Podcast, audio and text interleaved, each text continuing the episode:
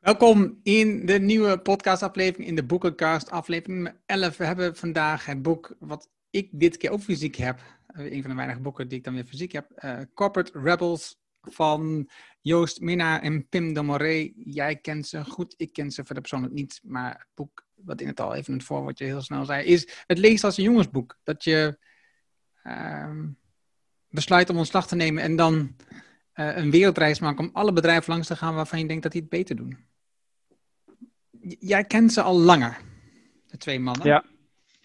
ja, ik ken ze eigenlijk al vanaf het begin. Dus ik ben bij hun allereerste event ooit in uh, Eindhoven geweest. Omdat ik al dingen van ze gelezen had. En uh, ja, dat al toen al heel goed vond wat ze deden. Maar daar komen we dadelijk inhoudelijk wel op te spreken.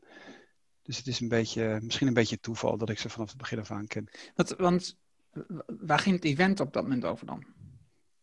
Nou, eigenlijk wilden ze gewoon even testen in hoeverre bijvoorbeeld het publiekelijk spreken over dat wat uiteindelijk een boek is geworden, uh, ja, of dat zou aanslaan bij de mensen. Of dat zou leven. Dus misschien is het, ik, ik kan wel even in het algemeen iets over zeggen. Ik zou maar zeggen, dat boek is uiteindelijk een, een, een, een verzameling, ik zou maar zeggen, van verhalen van die bedrijfsbezoeken die jij net hebt genoemd. Hè? Dus twee jongens nemen ontslag. En zeggen van ja, werk zou toch eigenlijk ook leuk en inspirerend kunnen zijn. Reizen rond die wereld, en, en, en besluiten uiteindelijk daarover te schrijven. Dus ze hebben in het verleden blogartikelen geschreven. En op een gegeven moment hadden ze zoveel blogartikelen, zou ik maar zeggen, dat ze zeiden van, oh, dan moeten we het maar in een boek samenvatten. En er een structuur aan geven. Ik zeg het maar een beetje, een beetje kort door de bocht. Uh, en dat vind ik eigenlijk het leuke aan het boek. Dat, dat boek is het ene, maar eigenlijk gaat het over iets heel anders. Het gaat er dus over dat er een platform is op het internet. Er is een website die Corporate Rebels heet. Daar is een soort bucketlist op. Waar al die bedrijven op staan waar je wat van kunt leren om het werken leuker te maken en inspirerender te maken. En dat is gewoon ongoing. Dus elke keer als ze weer iemand spreken, dan schrijven ze daar een artikel over. Nou, en dat is heel leuk. En dan heb je een newsletter of eh, je volgt ze op LinkedIn. En dan hebben ze ik zeg maar wat, hebben ze eh, Jos de Blok geïnterviewd. Nou, Jos de Blok staat hier ook in van buurtzorg, dus misschien niet zo'n goed voorbeeld. Maar dan komen ze weer in een of ander nieuw inspirerend verhaal tegen. Of uh, bijvoorbeeld nu in het kader van corona komen ze met een of ander interview waar ze iemand uh, ja, gevraagd hebben hoe ze dat doen. dat zou bijvoorbeeld zo'n Dan Price op dit moment even kunnen zijn. Hè? Dus waar die, die ook op die bucketlist staat en die mensen moest ontslaan. En dan, en dan krijg je dus wat weer in je mailbox. Dus het is, het is niet een soort afgesloten. Het is geen afgesloten boek, het is gewoon een, een ongoing, ongoing process. Eh, eh, ik vind het interessant, het is, maar wat is dan het verdienmodel voor hen geweest? Want dat is wel, als ik dit boek lees, wat ik me continu afvraag. Nou, dat, nou dat, ja, dat hebben ze dus getest. Is, en dat het aardige is dat zij zijn begonnen zonder een verdienmodel. En zeiden, nou, weet je, we kijken, we tellen hoeveel geld we hebben. En zijn ze met z'n tweeën in een kleine woning gaan zitten. En van daaruit zijn ze op stap gegaan. Het zijn twee oude schoolvrienden zijn het. Ze hebben met elkaar uit, uit Zeeland hebben ze op school gezeten. En Pim heeft, uh, heeft in Eindhoven gewerkt en Joost heeft in Barcelona gewerkt. En die jongens zien elkaar dus, dat beschrijven ze ook in dat boek. Dat ze ergens, uh, weet ik wat, in Barcelona bier drinken. En zeggen, jongens, ben jij net zo pist als ik? Wat gaan we doen in hemelsnaam? Gaan we dit de komende 40 jaar doen? Nee dus. En, en zo is dat ontstaan. En dat verdienmodel hadden ze op dat moment niet. En, dus, en dat event waar ik uit in Eindhoven ben geweest, was de eerste keer dat ze zeiden van nou, als wij daar nou in, het openbaar over gaan spreken, vinden mensen dat interessant om daar naartoe te komen. Het is toch een beetje community-achtig idee. Zijn mensen bereid daar iets voor te betalen? En dan parallel zijn ze dan uitgenodigd door werkgevers om ook een stukje inspiratie te bieden. En daaruit is een soort consultancy-tak ontstaan. Dus start was geen verdienmodel, gewoon pist en uh, ik zal maar zeggen bedrijven bezoeken. En na de hand is dat dan ontstaan. Ja. Oké, even. Um, het boek bestaat uit acht um, hoofdstukken in de kern. En dat zijn wat zij noemen de acht trends van corporate rebels. Um, en die zal ik even kort doornemen. Dan kunnen we daarna dieper ingaan. Van winst naar doelen en waarden. Van de hiërarchische piramide naar netwerk van teams. Van directief naar supportive leiderschap. Van plannen en voorspellen naar experimenteren en aanpassen. Van regels en controle naar vrijheid en vertrouwen. Van gecentraliseerde naar gedeelde autoriteit. Van geheimzinnigheid naar radicale transparantie. En als laatste van functies naar talent en ontwikkeling. En wat zij erbij zeggen, het zijn trends. Je hoeft het niet allemaal toe te passen. Um, pas toe wat past bij jouw bedrijf. En ontdek en experimenteer en zie wat, wat, wat, hoe, hoe het loopt voor jou. En voor mij, wat zo, iets is, is het einde van de bureaucratie. Dat is wat ze in ieder geval willen, want dat is in ieder geval niet leuk.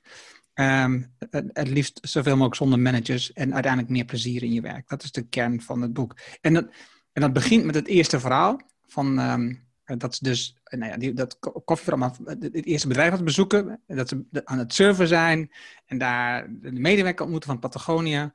En, en, en zo word je meegesleurd in die verhalen van, van de mensen die ze spreken en ontmoeten. En zeker een aantal mensen en bedrijven, ja, die, of veel mensen al waarschijnlijk op een lijstje staan van, god, die zou ik ooit al willen ontmoeten. En zij, zij doen het gewoon. Dat is, dat, is natuurlijk, dat is natuurlijk het mooie om te lezen ook sowieso. Het eerste deel, wat ik al zei, dat is Patagonia. En... Misschien, misschien dat we nog heel even iets over de structuur zeggen en waarom we het boek hebben uitgekozen. Want vorige keer hebben we weer een moeilijk boek gehad, hè, Thinking Fast and Slow. Daarvoor hadden we het boek van Arjen Bannach. En eigenlijk is dit een beetje uh, vergelijkbaar met het boekje van Arjen Bannach. Arjen Bannach heeft het even aan remote leiderschap opgehangen. En hier gaat het eigenlijk om ja, hoe kom je van een oude naar, naar, naar een, nieuwere, modernere uh, organisatie. Het is niet een soort cool, uh, toolkit. En het is elke keer zo ingedeeld. En ik denk dat het daar boekje ook heel lekker leest. Je hebt het, ik wil niet zeggen dat je misschien dat je in één avond wel uit hebt gelezen. Het, is, begint elke keer met die dimensie die jij net hebt voorgelezen, van, van X naar Y. Uh, bijvoorbeeld meer naar decentrale besluitvorming of wat dan ook. En dan beginnen ze elke keer met een praktisch voorbeeld. Dat is heel inspirerend, omdat je elke keer mensen hebt die echt iets vertellen. En dat kan iemand zijn die een restaurant heeft of wat dan ook. En dan komt aan het einde van die hoofdstukken komt elke keer een soort stappen of verschillende niveaus komen in principe terug. En dat maakt het uiteindelijk, vind ik, een perfect boek voor ondernemers. Die op al die dimensies op een of andere manier ook bezig zijn. ga ik alles boven de piramide beslissen of wat laat ik aan mijn mensen over? En daarom is het een heel inspirerend boek omdat het die combinatie is van theorie en praktijk. En dat vind ik maakt het heel leuk ook om te lezen voor ondernemers. Ja, ja je ziet dus en de theorie zou ik dan, die theorie zijn dan die voorstellen of die verschillende niveaus waarin je kunt werken. En de praktijk zijn de verhalen van de echte andere ondernemers die het hebben gedaan of die het doen. En ja, en, en dan zijn, ja, de, de, voorbeelden zijn er te over. Dus dat is het mooie ook. En, en we, denken dat het allemaal zou moeten zijn zoals uh, ooit is geweest. Maar dat is natuurlijk gewoon onzin. Um, er zijn genoeg wegen die nu anders zijn en die je kunt inslaan wat in het eerste deel naar voren komt, wat mij opviel in ieder geval, was als je een sterke focus hebt op een hoger doel, dan is ook bewezen en onderzocht dat dat soort bedrijven uh, tien keer beter presteren dan hun concurrenten. Dus in plaats van te concentreren op, op winst, um, uh, dus winst is niet onbelangrijk, zeggen ze ook. Dus winst is zeker belangrijk, want anders kun je niet voortbestaan. Maar maak het niet het doel. En dat hebben we al eerder eh, in meerdere podcasts ja. hebben we het al vaak over gehad. Hè. Je ziet bedrijven die dus waar winst, ik moet er denken, General Electric bijvoorbeeld denken waar winst zo aandeelhouder waar zo ontzettend gedreven wordt. En dan zie je parallel bedrijven die, waarbij, die heel anders zijn ingericht, die veel succesvol zijn uiteindelijk over de lange termijn. Dus, um, en wat ze daarbij ook zeggen is, meet de impact. En die, die, die, ik kan me voorstellen dat die soms lastig is, dat dat, dat dat niet altijd even makkelijk is om de impact te meten van wat je van plan bent om te doen. Maar ja, dat kan heel goed. je kan de winst meten. Maar je kan ook de impact meten op jouw missie of je visie die je voor ogen hebt. Ja, misschien voor het eerste hoofdstuk is omdat dat je, dat je meteen heel concreet dat mensen weten, ja, hoe ziet dat dan per hoofdstuk eruit? In het eerste hoofdstuk gaat het bijvoorbeeld over Patagonia. Nou, dat, dat zullen een aantal mensen wel kennen. Maar het gaat bijvoorbeeld ook over Tony Chocoloni. En als je dan zegt van oké, okay, slaafvrije chocolade, dan kun je op een gegeven moment dat natuurlijk ook meten. En zeggen van ja, ik zou maar zeggen, wat betalen wij voor onze cacaobonen? En, zijn daar kinderen die die cacaobonen plukken of juist niet, et cetera? En wij gaan daar kijken. Nou, dat kent iedereen wel, die hele Max Havelaar beweging. Dus daar wordt het gewoon heel concreet gemaakt. En de, en de, en, en de conclusie dan in het theoretische uh, gedeelte aan het eind van het hoofdstuk is dan, om gewoon even één voorbeeld eruit te halen, hire for purpose, train for skills. Dus zorg dat de mensen met een intrinsieke motivatie, omdat ze de wereld een stukje beter willen maken, zorg dat je die mensen hebt. En waarom is dat zo belangrijk? Omdat bedrijven allemaal door hele moeilijke periodes heen gaan. En als je dan nog steeds weet waarom je het doet. En je doet het niet voor het geld. Dan ben je ook in staat de energie op te brengen om door die moeilijke fases door te komen. Dus dat is even, even in het kader van purpose. Heb je even heel snel Tony Chocoloni, kent iedereen in Nederland wel. Uh, en dat kun je ook heel goed meten. En, en, en de claim is in principe ook slaafvrije chocolade. Dus dat is. Ja, en dan, en dan komen er nog zeven andere hoofdstukken. Ja, en, en het is nu je dit vertelt, moet ik er ook aan denken. En dat hebben we ook al een paar keer over gehad, over mormonen bijvoorbeeld. Dus waarbij, wat je zegt, dat is een hoger doel, dat geeft richting. En dat zorgt ervoor ook op momenten dat het moeilijk gaat, dat je vast kunt houden aan dat ene ding waar je altijd voor blijft gaan. En dat zie je dus eh, bijvoorbeeld bij bedrijven waar, waarbij bij de leider het geloof een belangrijke rol speelt, dat dat hetzelfde is. Weet je, dat ondanks alle moeilijkheden van, van iedere dag, nou, corona nu, maar ook eh, presidentsverkiezingen die niet uitpassen zoals ze wil, boycott, handelsoorlogen, uh, noem maar op waar je de diepe van kunt zijn. Als je, als, als je een sterk geloof hebt, zoals Mormonen, dan, dan, ja, dan hou je daar aan vast. Dan blijft dat, dan blijft dat altijd je richting. Nou ja, en, en een ander geloof kan dus zijn bijvoorbeeld dat je gaat voor een slaafvrije, of een, uh, chocola, of dat je gaat voor een, een betere natuur en dat je producten maakt van zeker weet dat ze geen impact hebben, Patagonië, op hun omgeving, op het milieu. En, en uiteindelijk zelfs gebieden bos koopt om het te beschermen tegen um, organisaties en bosbouw, wat dan ook. En uiteindelijk dat een soort um, reservaat om, om, omzet en dat dan weer teruggeeft aan, aan de mensen. En ja, het zijn toch wel, het zijn toch hele bijzondere verhalen waarvan je denkt, oké, okay, als, als dat je missie is, dan wordt de rest van je besluitvorming zoveel eenvoudiger. Ja. Dat je je afvraagt, waarom doet niet iedereen dit? Ja, we zijn, uh, het grappige is wat me te binnen schiet nu, is dat mijn collega heeft, uh, Mark Peter Pijper, die heeft al vaak interviews gedaan ook over, uh, over dat thema. En de, ik las er net weer een en daarom schiet het me ook te binnen. Purpose is the boss. En dat vind ik op zich ook wel weer heel interessant. Hè? Als mensen weten wat, de, wat, de, wat het bestaansrecht hè, of raison d'être is, of de why, om het Simon Sinek te spreken, dan is dat natuurlijk zo'n duidelijke focus waar het eigenlijk naartoe gaat. En dan zijn al die rimpelingen of die stenen tussendoor die op die weg leggen, liggen, zijn helemaal niet zo relevant. Dan zeg je van ja, nee, we hebben een lange termijnvisie. Ik weet niet of, of ik het in dit leven bereik, of dat de volgende generatie het moet doen, maar het doel is of het nou slaafvrije chocolade is of wat dan ook. En wat dat betreft is Patagonia ook een goed voorbeeld, omdat zij helemaal nog niet. Het is helemaal niet zo dat zij volledig uh, circulair of zo zijn, maar ze proberen elk jaar, en dat documenteren ze ook, weer iets verder te komen, hoeveel van hun kleding die ze produceren wel al circulair is. En ik denk dat het daar heel erg om gaat. Hè? Dat, het, dat het een weg is waar je op zit. En dat, dat het uit vele kleine stappen bestaat. Uh, en als je dat doel dan voor ogen hebt, uh, dan is het makkelijk om, om ook die motivatie bij te behouden. Ja, het grappige en dat zie je dus ook bij Patagonie en bij Tony Cicloni. Het is, wat je al zegt, ze, ze, zijn niet zo ver waar ze wil zijn, maar ze zijn wel ook open daarover. Dus ze zijn ook ja. transparant over de dingen die nog niet voldoen en hoe ze daaraan werken. Maar even, even terug, dat ik ben gewoon ook wel benieuwd waarom, waarom dit niet voor iedereen normaal is. Dat dat de normaal is dat je werkt vanuit zo'n missiegedreven omgeving. Nou goed, dat is natuurlijk de hele discussie die we ook bij Matsukato gehad hebben. Uh, Mariana Matsukato, The Value of Everything. Uh, afhankelijk van hoe je natuurlijk in een wedstrijd zit en wat je voor stakeholders hebt, of aandeelhouders. Ja, het beroemde voorbeeld van Unilever, misschien dat het boek ook nog een keer moeten lezen. Jij kunt wel iets willen, alleen als jij in dienst bent bij aandeelhouders die op korte termijn alleen zo max maximaal of zoveel mogelijk winst willen maken, ja, dan houdt het natuurlijk heel snel op. Dus je kunt. Maar goed, dat, dat is natuurlijk een klein deel van de bedrijven, in, in ieder geval in Nederland, met, met aandeelhouders te maken hebt. Het grootste deel van de bedrijven zijn gewoon ondernemers met medewerkers.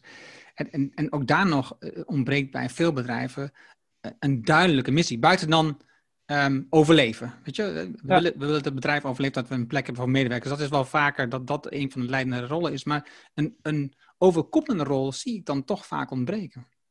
Maar daarom denk ik juist ook voor ondernemers. Hè, want het is een ondernemerspodcast of een boekenpodcast voor ondernemers. Of misschien mensen die eerder in kleinere bedrijven werken. Uh, laat ik het zo formuleren. Uiteindelijk kun je het ook als een strategisch concurrentievoordeel zien. Dus ik denk dat het startpunt eigenlijk altijd is dat je intrinsiek van iets overtuigd bent, want anders je dat ook helemaal niet vol. Uh, alleen het is natuurlijk als jij als MKB-bedrijf veel meer lange termijn gericht bent of als ondernemer en, en heel duidelijk van tevoren vastlegt wat eigenlijk je bestaansrecht is, uh, ja, dan is het natuurlijk wat dat betreft het leven makkelijker dan Unilever, waar je elk kwartaal weer je nieuwe winstcijfers of je verwachtingen moet, uh, moet waarmaken. En, en als dat dan niet volgens de aandeelhouders loopt, dat je dan in principe je baan kwijt bent. Dus ik denk juist dat purpose wat dat betreft een strategische kans is, juist voor de kleinere bedrijven. Ja, ja en, en ik, ik zit ook te denken aan bijvoorbeeld het boek Build to Sell. Dat is een boek wat ik ook ooit heb van Barry Marino. Waarbij het gaat over dat je een bedrijf bouwt om het uiteindelijk te verkopen. Als je niet als je niet van plan bent je bedrijf te verkopen, is het, eh, werk je aan een hobby. Dat, zo, zo benadert hij dat.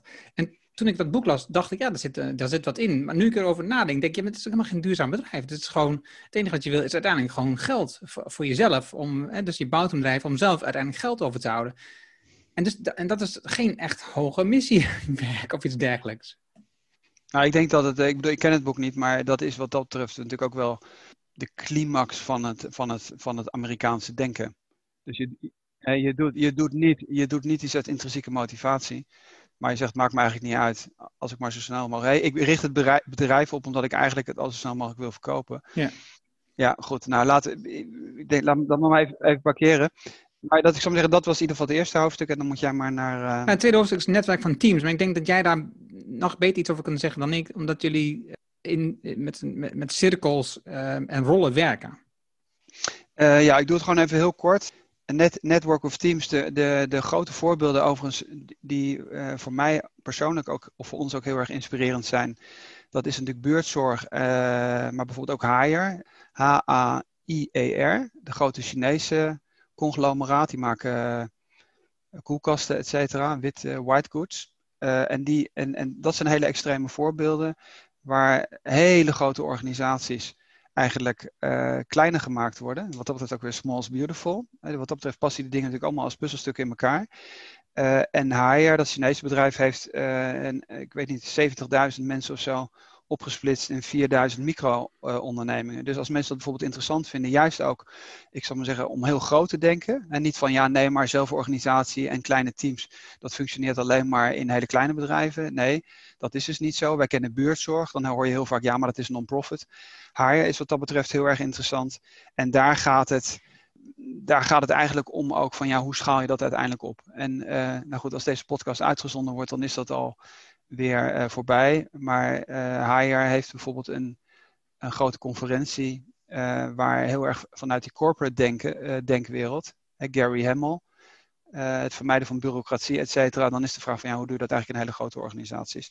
Maar Nederland, Eckhart Winsen met BSO in het verleden, is natuurlijk ook een voorbeeld. Handelsbanken, de Scandinavische bank die het beste door de crisis heen is gekomen. Dus er zijn heel veel voorbeelden dus dat hoofdstuk is bijvoorbeeld ook weer heel erg interessant voor mensen die in corporate zitten. Ja, en het grappige aan Haier, wat ik daar ook in vond, uh, ze, hij heeft meerdere voorbeelden, ze hebben meerdere voorbeelden genoemd over bedrijven die dat hebben opgesplitst in kleine teams. En dat zie je ook in de andere hoofdstukken telkens weer terugkomen. Maar het grappige bij Haier ook bijvoorbeeld dat je dus, um, zelfs de afdeling HR is een bedrijf. En als jij een ander bedrijf bent en je bent er niet van overtuigd dat de HR van HR zelf voldoende is, dat het je goed helpt, kun je gewoon extern inhuren. En ze hebben ook ze werken dus ook aan een, of dat is ondertussen natuurlijk al, een online platform waar je dus die diensten allemaal hebt staan. Dus, dus voor, voor de opricht van Hai is het ook dus zo dat het online platform is cruciaal in, het, in dit spel. Dat je weet wat is in de markt, in de interne markt beschikbaar. En als dat niet voldoet, dan kan ik ook extern. En een mooi voorbeeld vond ik ook van die, zo'n, zo'n werknemer die dan ziet dat er kansen liggen in de gamingwereld. En een game, gamers laptop maakt. Wat dan in no time heel succesvol is. Ja, ja, dat zijn natuurlijk verhalen waar in ieder geval mijn hart dan sneller van gaat kloppen.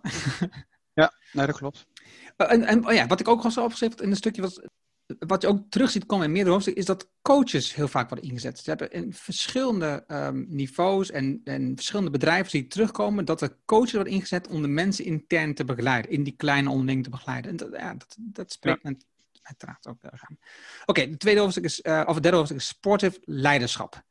Ik heb dat snel vertaald als zijnde, in plaats van dat je als leider keuzes maakt voor de rest van het bedrijf en dat iedereen zich daar moet conformeren en daar moet, naar moet werken, laat je eigenlijk eh, de mensen de keuzes maken en kijk je hoe je dat als leider, als manager of als ondernemer, dat kunt faciliteren, hoe je dat kunt organiseren voor die mensen. En dus um, het is veel meer dat je niet antwoord geeft op de vragen van de mensen, maar dat je vragen stelt, zodat zij zelf besluiten kunnen nemen. Dat is, zo heb ik het verstaan. En het, en het het grappige is ook dat een van de foto's die genoemd is dat, dat ehm, leiderschap wordt gekozen zelfs. Dat was voor mij een Zwitsers bedrijf, als ik het goed onthouden. Ha, ja, hou voor iemand is. Precies. Waarbij, waarbij elk jaar of elk twee jaar opnieuw de, de CEO wordt gekozen.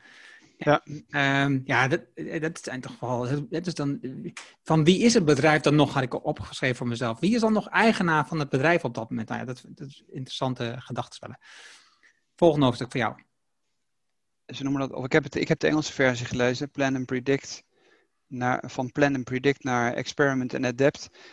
Omdat we ook nog wat andere hoofdstukken hebben. Ik denk dat dat, dat ja, misschien niet helemaal correct, maar het gaat dus eigenlijk een beetje richting uh, agiliteit.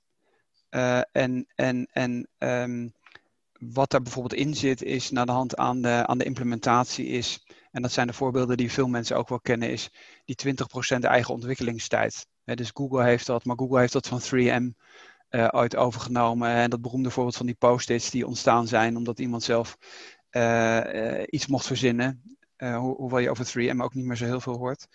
ja, en dan is uiteindelijk gewoon ook, ook daar weer de vraag, en natuurlijk in zoverre hangen die hoofdstukken allemaal met elkaar samen, dat als de mensen gewoon hun eigen gang kunnen gaan, dan komen ze sowieso met goede ideeën en innovatie. Dus, maar ik denk dat dat, dat, dat hoofdstuk, dat we daar even heel, heel kort... En dan sluit er maar gelijk aan op de volgende, uh, vrijheid en vertrouwen. Over zijn. Ja, vrijheid en vertrouwen. Uh, wat daar weer terugkomt als voorbeeld is Frank van Massenhoven, wat we ook al een keer besproken hebben. Dus de sociale zekerheid in België, wat, het hoofdstuk wat. Uh, we hebben dat besproken bij het boek van Remote Leiderschap van Arjen Bannach. dat komt hier ook weer terug. en daar aan het einde, dus het theoretische gedeelte van ja, wat heb je voor verschillende levels. Daar geef je in principe mensen ook de autoriteit hun eigen werkplek te designen controlemechanismes eruit te halen, veel meer horizontaal met elkaar reviews te geven. Uh, en dan, dat vind ik natuurlijk wel aardig, uh, level 5, wat dan elke keer het hoogste level is, is self-setting salaries. Nou, salaris, hebben we het misschien ook wel eens over gehad, dat hebben wij natuurlijk met het salarismodel. Maar dat heeft dan ook weer met trans transparantie te maken. Hè? Dus het is eigenlijk elke keer weer hetzelfde. Uh, of het nou purpose is, of vrijheid, of vertrouwen. Het hangt allemaal met elkaar samen. Ja, en, en, en als je niks te verbergen hebt, dan kun je ook alles openzetten. Ja, en dat is natuurlijk nog steeds een beetje de heilige koe is van ja, wat verdienen mijn collega's? Dus wat dat betreft is dat, uh, is die salarissen noemen ze dan als laatste, als laatste thema. Maar eigenlijk gaat het erom dat iedereen in de organisatie gewoon op, eigenlijk bij alle data kan, zodat de mensen gewoon, ja, daar gewoon hun, hun, hun tijd kunnen besteden aan, aan elke, elke dag een stukje beter te worden. Ja, die gedeelde autoriteit, die, sla ik ook maar even over. Dat in principe komt dat dan eh, een paar keer terug. Uh, we hebben er wat dingen over gezegd. Hè? Dus de leider die geeft geen opdrachten, maar die stelt vooral vragen en leert. Maar de, de volgende, de radicale transparantie. En je noemde het net al een beetje. Maar een van de belangrijke elementen, een, laat een van de cruciale elementen denk ik in dit hele spel, uh, wat ze noemen, is uh, dus je kan kleine teams maken, je kan mensen vrijheid geven, maar je moet ook informatie geven. Ze hebben informatie nodig om zelf te kunnen besluiten. Dus de informatie die je voorheen als leider voor jezelf had en besprak met je kleine teampje of met de aandeelhouders of wat dan ook, met, met, dat is onzin. Die zet je gewoon neer voor intern te lezen door iedereen. En, um, ja, en, en dat, is, dat is cruciaal om, om zelf besluit te kunnen nemen. Je moet weten hoe jouw team het doet. Je moet weten wat het resultaat is, waar, waar, waar je nog moet schaven, wat zijn de kosten. En het mooie ook in het hoofdstuk waar ze ook duidelijk in zijn, is dat je um, de mensen ook moet opleiden om die financiële inzichten te snappen. Dat ze niet alleen maar een overzichtje krijgen waar dat het beschikbaar is, maar je moet het ook leren begrijpen. Want niet iedereen snapt wat een kost- en baatanalyse of uh, een resultatenrekening is, uh, of een balans. Dan moet je ook wel snappen wat daar staat. En overigens, opleiden komt meerdere keren terug dat mensen ook moeten opleiden in de goede dingetjes. En dat is dan gelijk het laatste hoofdstuk, talent en ontwikkeling. Misschien dat ik nog iets mag zeggen over uh, radical transparency, omdat het grappige was, we hadden gisteren de visietalk van Arjen Bannach. En dat boekje hebben we natuurlijk uh, besproken over remote uh, leiderschap. En daar zei hij nog een keer, hè, R, de R van remote is radical transparency. En hij zei in principe exact hetzelfde wat jij nu ook zei. Ja, die radicale transparantie is eigenlijk het uitgangspunt. Want als jij niet weet hoe de vlag erbij hangt, en dat is natuurlijk wat dat betreft nu tijdens de coronacrisis ook een goed voorbeeld.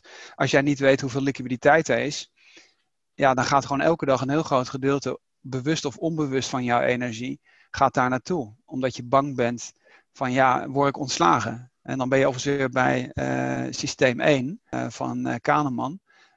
dat je zegt van ja, weet je, ik ben eigenlijk ben ik gewoon bang en ik wil vluchten. En dat slaat op je productiviteit. Wat ik nog wel belangrijk vind is bij die radicale transparantie, is dat theoretische gedeelte, en dat wil ik heel snel even doorlopen, open communicatie, uh, openness by default. Dus je draait het om. En dat ik denk dat is mentaal heel belangrijk. Te zeggen van eigenlijk is alles publiekelijk deelbaar. Of er moet een goede reden voor zijn. En dat is de mindset te verschuiven en het één keer te, te, invert of één keer helemaal om te draaien. Dat is denk ik mentaal heel belangrijk. Omdat je dan een hele andere framing krijgt. Dus eigenlijk alles is open per default. Of er is een reden voor. En dan praat je heel anders met elkaar. En dan krijg je dus die, dus die, dus die doelen en die, en, en die transparante performance. Wat je dan uiteindelijk gewoon weer aan de teams uh, kunt openlaten. En daar komt overigens ook weer die salaristransparantie. Dus wat je natuurlijk heel vaak hebt, is dat je zegt van wat je eigenlijk niet wilt en wat eigenlijk fnuikend is voor een hele hoop organisaties, is wat ze dan die achterkamertjes noemen of dat koffiezetapparaat. Heb jij ook gehoord, zus of zo? die gaat weg of uh, die verdient zus of zo. En uh, die, die nieuwe persoon die krijgt toch veel meer dan eigenlijk afgesproken. En weet jij dat en zo. Dat is funest voor je organisatie. Dus wat dat betreft denk ik dat dit. En dat dit geldt niet alleen maar voor, voor ondernemers of voor MKB. Dat, dat echt dat met elkaar delen van informatie in organisaties een belangrijke stap is om je cultuur te veranderen. Nou ja, en je ziet ook dat terugkomt in het boek. Dat, er wordt dus ook uh, tussen de door een paar keer gemeld dat mensen ook gewoon vertrekken bij bedrijven met de informatie die ze denken in hun hoofd. Het hoeft niet de realiteit te zijn, maar je doet aannames over wat, je, wat anderen zou verdienen, wat je zelf waard bent, bijvoorbeeld. Dus, en, en door het open te gooien en met elkaar te discussiëren wat je denkt wat het zou moeten zijn. Het is dus dat mensen hun eigen salaris kunnen betalen, bepalen, maar dat een overleg met anderen afstemmen met een bepaalde commissie, waar richtlijnen voor zijn, zodat je een beetje weet welke kant je op moet denken. Hè, dat niet de spuit, de spuitgaat uitloopt en dat mensen ook verkeerde ideeën krijgen over uh, hoe het in elkaar zou zitten, dat ze dan uiteindelijk, als je dat dan hebt, dat het publiek is en dat iedereen kan zien. Zodat, je weet, oh wacht even, als ik mijn salaris heel hoog inzet en iedereen kan zien, dan heb ik hier wat te verantwoorden. Doe ik dat werk wel wat ik heb afgesproken. Dus, en dat zorgt ervoor dat je zelf vanzelf eigenlijk gewoon meer je boerenverstand gebruikt. Zoals, zoals we dat dan Ja, men zegt ook niet voor niets gezond mensenverstand. Hè? Ja, precies. Oké, laatste deel, talent en ontwikkeling, mag jij ik denk dat, uh, dat de kern van het verhaal is te beginnen bij wat de mensen graag willen doen. En vanuit de sterktes te argumenteren. En hoe meer je vaste functieomschrijvingen meer fluide maakt. En dat betekent enerzijds dat je functies opdeelt in deelfuncties, wat ze dan rollen noemen. En, en, en ook die klassieke silo's verlaat. Dus het klassieke voorbeeld dat ik altijd noem is: je hebt een programmeur die in een IT-afdeling ergens zit in een donkere kamer een back-end zit te programmeren of weet ik veel wat. Maar die eigenlijk gewoon een hele andere kant heeft en het hartstikke leuk vindt om een blog te schrijven. Uh, alleen ja, dat zit in de marketingafdeling. Dus dat mag diegene helemaal niet doen. Dus dat is nou even een heel praktisch voorbeeld, zodat het gewoon echt ook heel erg makkelijk blijft. En dat is wat daar, wat daar uitgelegd wordt, dat je het opknipt in rollen. Maar dat bijvoorbeeld mensen ook dan zelf mentoren gaan zoeken die zich daarbij begeleiden. Is een hele andere manier van denken. Dus je krijgt een, een horizontale, fluïde organisatie zonder functietitels, waar mensen die dingen oppakken waar, waarvan ze het zelf het meest leuk vinden. Of de mensen zeggen van nou nee, doe jij dat maar, want jij kunt dat veel beter. En niet in die klassieke silo's denken en zeggen nee, jij maar mag dat niet doen, want jij zit in een andere afdeling. Dus misschien een beetje, een beetje kort door de bocht. Uh, maar ik denk dat, dat, het, dat het daarover gaat. En uiteindelijk kom je dan weer bij talent en mastery. Wat we natuurlijk ook van Daniel Pink kennen. Dus misschien moeten we ook een keer Drive uh, als, als, als boekbespreking doen. Omdat het ook allemaal wel weer dingen zijn die, die veel terugkomen. Ja, en dit wordt ook, werd ook hier genoemd.